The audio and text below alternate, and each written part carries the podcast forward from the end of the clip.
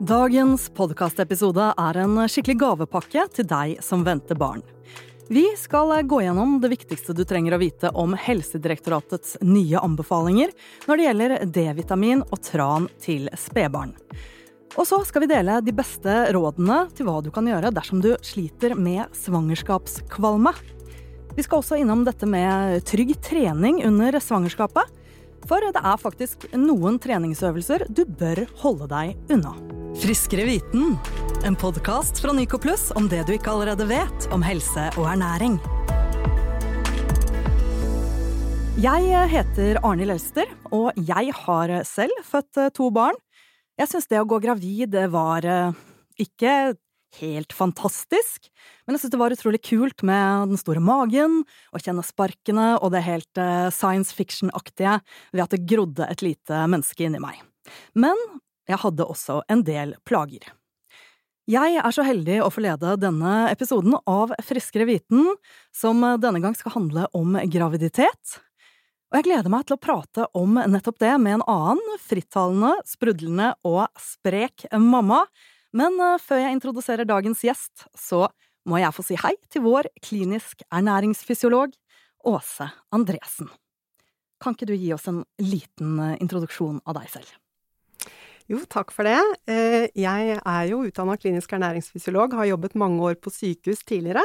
Men nå til daglig så jobber jeg som fag- og opplæringsansvarlig for Nyco Og hver gang Helsedirektoratet kommer med nye konkrete råd og anbefalinger, så syns jeg det er veldig gøy å kunne bidra med å spre det budskapet. Så jeg syns det er veldig fint at vi også i dag skal snakke litt om tran.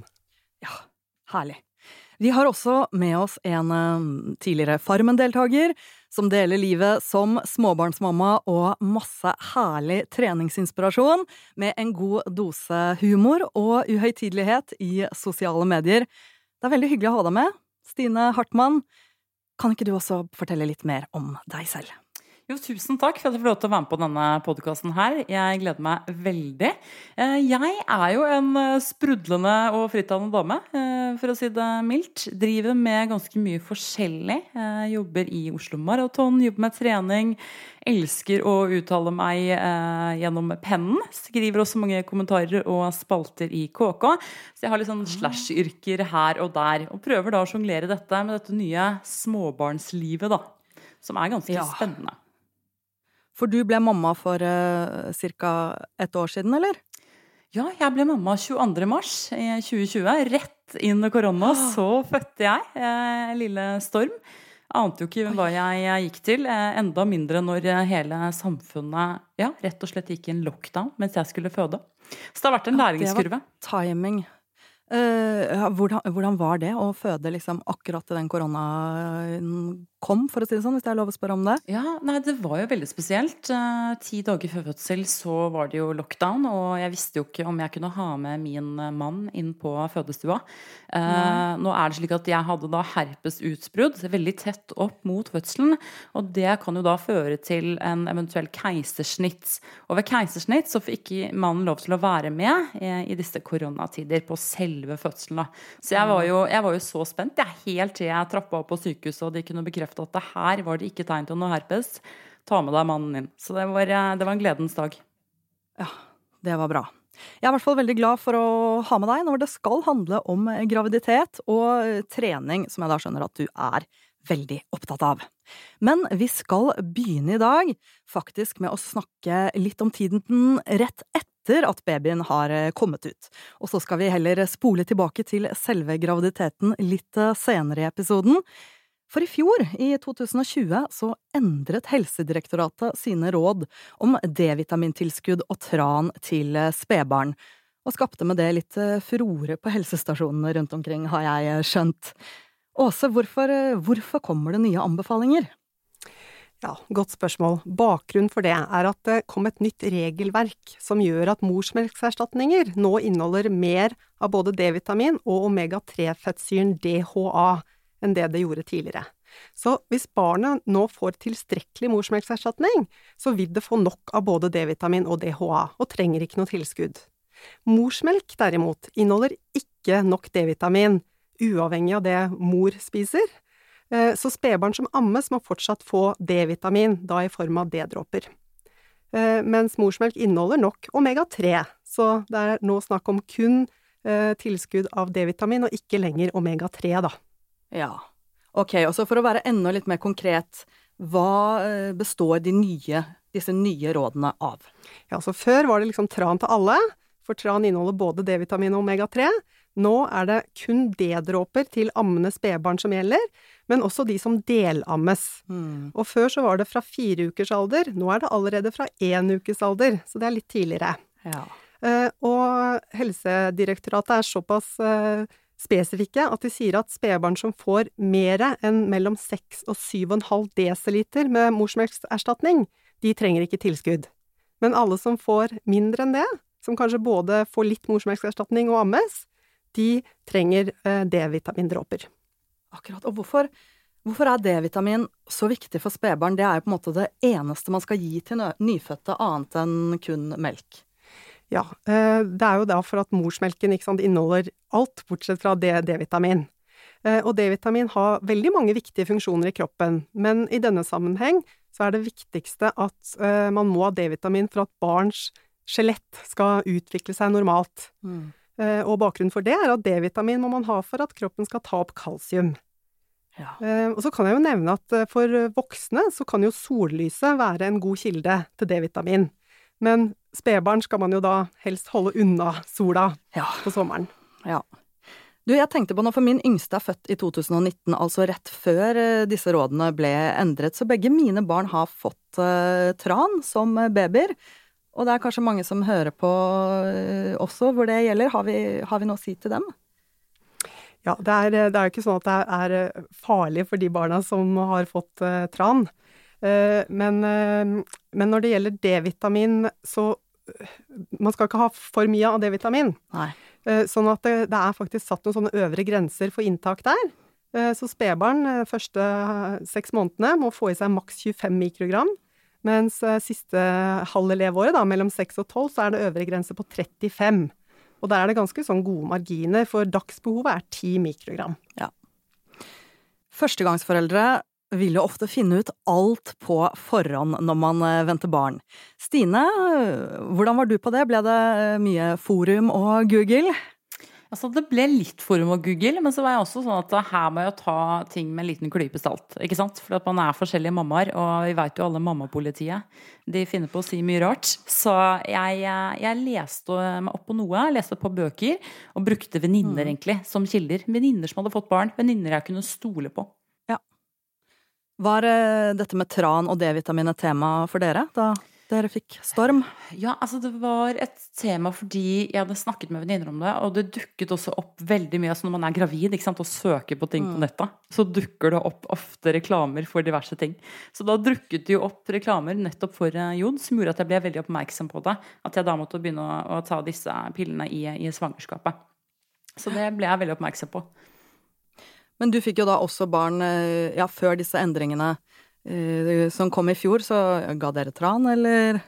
Eh, ja, det gjorde vi. Men ja. så kom jo disse endringene ganske så plutselig, vil jeg tro, eh, mens vi ga disse dråpene. Eh, men eh, jeg sluttet da å amme etter tre måneder. Da hadde jeg mindre melk i mine bryster, så da brukte vi morsmelkerstatning. og da var det jo da var det jo på en måte greit, ikke sant? Mm. Da var det greit. Mm. Ja. Uh, og apropos det med amming versus uh, morsmelkerstatning, hva, hva, innebærer dette med, med, tilskudd for dem som benytter seg av mors, morsmelkserstatning, sammenlignet med dem som uh, ammer, Åse? Vi kan si at Dagsbehovet på 10 mikrogram som jeg nevnte, det er jo likt, uavhengig om man får morsmelk eller morsmelkserstatning. så man kan eventuelt begynne å regne på det, hvis man vil være sikker. Da. Så hvis hvis du regner at et, eh, en desiliter morsmelkerstatning inneholder ca. Eh, en vanlig erstatning, 1,7 mikrogram eh, D-vitamin, så kan man liksom nedjustere mengden D-dråper. Mm. Men ja, det kan jo fort bli litt komplisert òg, så hovedbudskapet er at alle barn trenger D-vitamin. Alle trenger D-vitamin, men kan det bli for mye D-vitamin for babyer? Ja, som jeg, som jeg, nevnte, så er det disse øvre grensene som man bør holde seg innenfor. 25 og 35 mikrogram per dag. Det er ikke noe farlig hvis man liksom har gitt litt for mye av og til, eller i en kort periode. Men det som kan skje hvis man får altfor mye over lang tid, er at kroppen tar, i, tar opp for mye kalsium. Og det vil man ikke ha verken hos babyer eller hos voksne. Så, så er, man skal ikke ha for lite, og man skal ikke ha for mye. Mm. Og til slutt et spørsmål som er eh, aktuelt for stadig flere. Er det noen spesielle hensyn man må ta dersom man spiser plantebasert? Ja, det er jo eh, stadig mer aktuelt. Eh, og der også har Helsedirektoratet veldig sånn konkrete, eh, konkrete, råd. At hvis man spiser plantebasert, eller hovedsakelig plantebasert, så trenger den ammende moren å ta tilskudd ikke bare av D-vitamin, men også B12, jod og denne DHA, omega-3-fettsyren, i form av algeolje. Hvis mor gjør det, så klarer barnet seg. Med unntak av D-vitamin, da, som fortsatt barnet må ta. Men det myndighetene understreker, er at B12 er så viktig at mor F.eks. for eksempel hvis mor er da veganer eller vegetarian, streng vegetarianer, så bør hun faktisk måle B12-statusen sin med en blodprøve jevnlig, for å sikre at det er nok i morsmelken, og at babyen får nok. Vi har jo nå vært inne på dette med ernæring da, for eh, spedbarn, men nå skal vi spole litt tilbake til eh, selve graviditeten. Det er jo en eh, klisjé på film at man skal skjønne at noen er gravide hvis de plutselig kaster opp. Men så er det jo faktisk sånn at ni av ti kvinner oppgir å slite med kvalme i svangerskapet. Og Stine, hvordan var eh, det for deg? Var du kvalm? Altså, dette er en litt morsom historie. Denne ungen er jo ikke planlagt. Den kom jo veldig uplanlagt, så vi ja. hadde jo ikke snoring på at jeg var gravid. Så jeg var på en ferie i Alpene, skulle delta på et sånt ultramaraton. Dvs. Si et løp som er lengre enn 42 km. Så her, man må, her må man jobbe på. Oh, og jeg var jo så kvalm, vet under dette løpet. Skjønte jo ikke bæret. Og så tenkte jeg sånn, det er jo sikkert fordi jeg ikke har løpt nok, eller fått i meg nok å drikke, eller jeg hadde jo ikke peiling. Var kvalm hele den ferien. Tenkte at det er sikkert disse italienske svingene, ikke sant. som gjør at jeg blir så kvalm. Men nei da, så kom jeg hjem da, og tok en test og skjønte at det var pga. graviditeten. Så ja, da, da, var han med på et lite løp, han der i magen. Ja, ja. Og du var, du var kvalm, skjønner jeg da. jeg var veldig kvalm. Ja, Usch a meg. Um, fant du noe som hjalp når du skjønte at det var derfor du var kvalm? Var det noe som dempet kvalmen for deg? Uh, for min del var det å drikke veldig mye vann. Og egentlig ja, jeg spiste en del salt mat. Eh, egentlig ikke så veldig glad i salt mat, men det var så varmt den sommeren også, så da trengte ja. jeg med mye salt. Eh, jeg trener jo mye, og trente mye gjennom graviditeten, som vi skal snakke om litt senere, men da hadde jeg et veldig stort behov for salt, husker jeg. Ja. Åse, når er det vanlig at uh, kvalmen oppstår? Det kan jo variere litt, men vanligvis oppstår det mellom uke fire og ti. Og da er det jo mange som kan oppleve både kvalme og oppkast. Mm. Uh, og det er jo ikke det at kvalmen i seg selv gir noe Det er jo ikke noe farlig. Uh, men uh, det er klart det kan jo gi en nedsatt livskvalitet hos den det gjelder. og så kan det jo, i hvert fall hvis det begynner med mye oppkast, så kan det jo gå utover altså at man får vekttap og blir dehydrert. Så i verste fall må man jo legges inn på sykehus og få intravenøst. Hva er det som eh, hjelper? Stine nevner eh, mye vann, salt, mat. Finnes det noe som er eh, dokumentert å hjelpe mot svangerskapskvalme? Jeg tror de tingene der går veldig mye igjen. Men så er det jo noen som reagerer på veldig sånn tung luft eller sterke lukter. Mye varme. Det kan være høy luftfuktighet, men noen reagerer til og med på høye lyder og, og lys i bevegelse. Og så er det dette med å kjøre bil, da svinger i Italia eller eh, andre bilturer. Um, så det kan nok være en fordel å spise små, hyppige måltider. Uh, og ikke minst dette med væskeinntak for å unngå dehydrering, da. Prøve å drikke litt imellom måltidene for å få i seg nok. Men ehm, Stine, du hinta til det med at du er eh, aktiv på trening, og var det også under graviditeten. Men jeg tenker at når man sliter med kvalme eller eh, andre plager, så er eh, trening kanskje det siste man tenker på. Men forhåpentligvis så kommer det jo en tid hvor bevegelse kanskje er aktuelt. Og Stine, du er instruktør ved Barry's og en skikkelig treningsentusiast. Du jobber også med Oslo Maraton. Og kan ikke du fortelle litt mer om ditt forhold til trening under svangerskapet? Jeg har jo alltid vært glad i å trene, og, selv om på en måte kvalmen tok meg Jeg tror det var uke fem jeg kjente kvalmen, så det er veldig korrekt det du sier der. Eh, og eh, det som hjalp for meg, det var å gå turer. Jeg er en eh, skikkelig forkjemper for folkehelse og trasketurer, som jeg kaller det. Noe jeg også har gjort hele graviditeten, også i, i, i permisjonen min. Gå, altså, det handler om bare små, korte turer for å få litt frisk luft ute. Eh, og spesielt nå i et samfunn hvor vi har vært eh, låst inne i mange måneder. Å få seg den lufteturen, om det bare er fem minutter, gjør så mye for topplokket og, eh, og for resten av kroppen vår. Og så er jeg veldig glad i å kanskje eh, F.eks. hvis man syns det er vanskelig å komme seg ut, da legge den telefonsamtalen til turen. Så skal du ringe venninna, ikke sitt inne på sofaen, men ta deg en trasketur mens du ringer en venninne, f.eks. Eh, et lite tips til folk som kanskje sliter litt med å, å komme seg ut. Men for meg så var det Jeg hadde veldig god form gjennom graviditeten. Overraskende form. Man vet jo ikke sånne ting, ikke sant? Hvilke plager som kommer. Eh, jeg fikk jo bare mer energi, jeg. Det var veldig rart.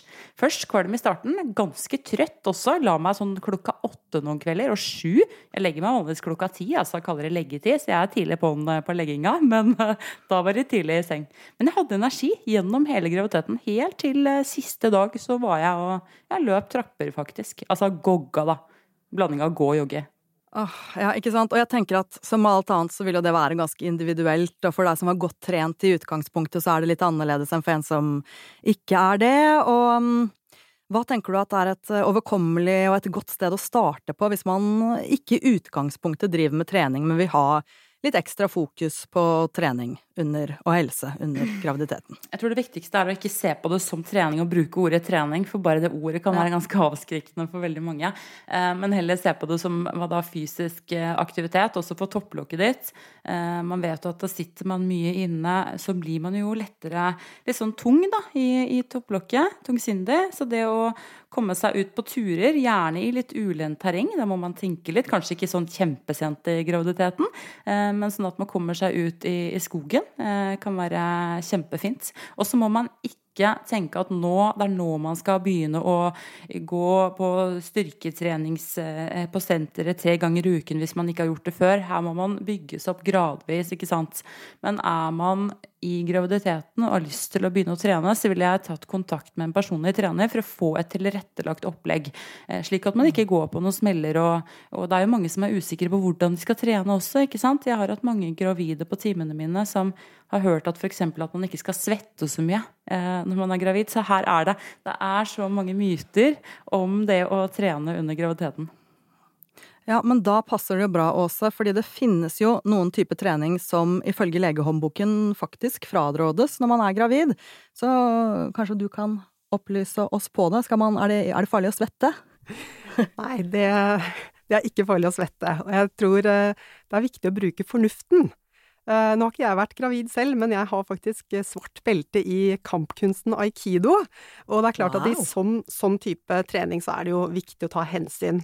Liksom all kontaktsport, som kampsport, håndball, fotball, basketball, sånne ting, frarådes rett og slett for å unngå slag mot magen. Eh, men det er klart at hopp og brå bevegelser kan jo også føre til lette sånn skader på leddbånd og, og, andre ledd. Du er kanskje litt ekstra sårbar når du er gravid, sånn sett. Um, og det samme gjelder jo idretter hvor det er lett å falle. Turn, ridning, alpint, vannski. Um, og, og, du var inne på, på, styrketrening, ikke sant. Det er jo klart hvis du aldri har gjort det før, så er det dumt å starte med det, med, i hvert fall uten veiledning. Um, men det er uansett, selv om du er vant til styrke, så er det eh, lurt å unngå å trene altfor tungt. Særlig gjelder det sånne øvelser hvor du um, øker buktrykket, f.eks. tung benkpress. Um, og spesielt etter uh, første trimester, da, første tredjedel, tredjedel av svangerskapet, så, så bør du uh, ikke trene for hardt på ryggen. For det kan føre til at presset på hovedpulsåren i buken kan bli for stort. Så noen hensyn bør man ta, også for å unngå svimmelhet og, og kvalme, rett og slett. Ja, her var det kanskje noe som folk ikke var kjent med. Men eh, vi må jo passe på å trekke fram også de gode grunnene til hvorfor eh, fysisk aktivitet er, eh, er gunstig under graviditeten. Ja, Stine har jo alltid, allerede vært innom dette med godt humør og velvære. Det er jo kjempeviktig. Men det er jo andre fordeler også. Det kan jo redusere ryggsmerter og forstoppelse, som er et vanlig problem hos mange gravide. Og ikke minst sånne hevelser og, og, og oppblåsthet. Um, og det kan selvfølgelig forebygge høyt blodtrykk. Det gjelder jo alle, men også gravide.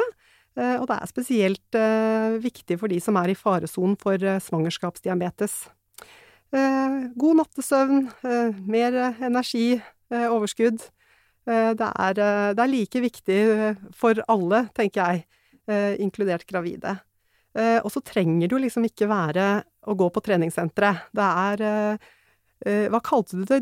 Jog, eh, gogging? gogging? Det var nytt for meg. Ja. Gogging, det, det er et kjempemorsomt ord, og får jo godt humør bare av å høre det. Eh, så gogging, eh, svømming, sykling, enten ute eller på ergometersykkel. Jeg har fått meg elsykkel, elsker det. Eh, eller selvfølgelig eh, den treningen man har gjort tidligere, da, så lenge man tar hensyn.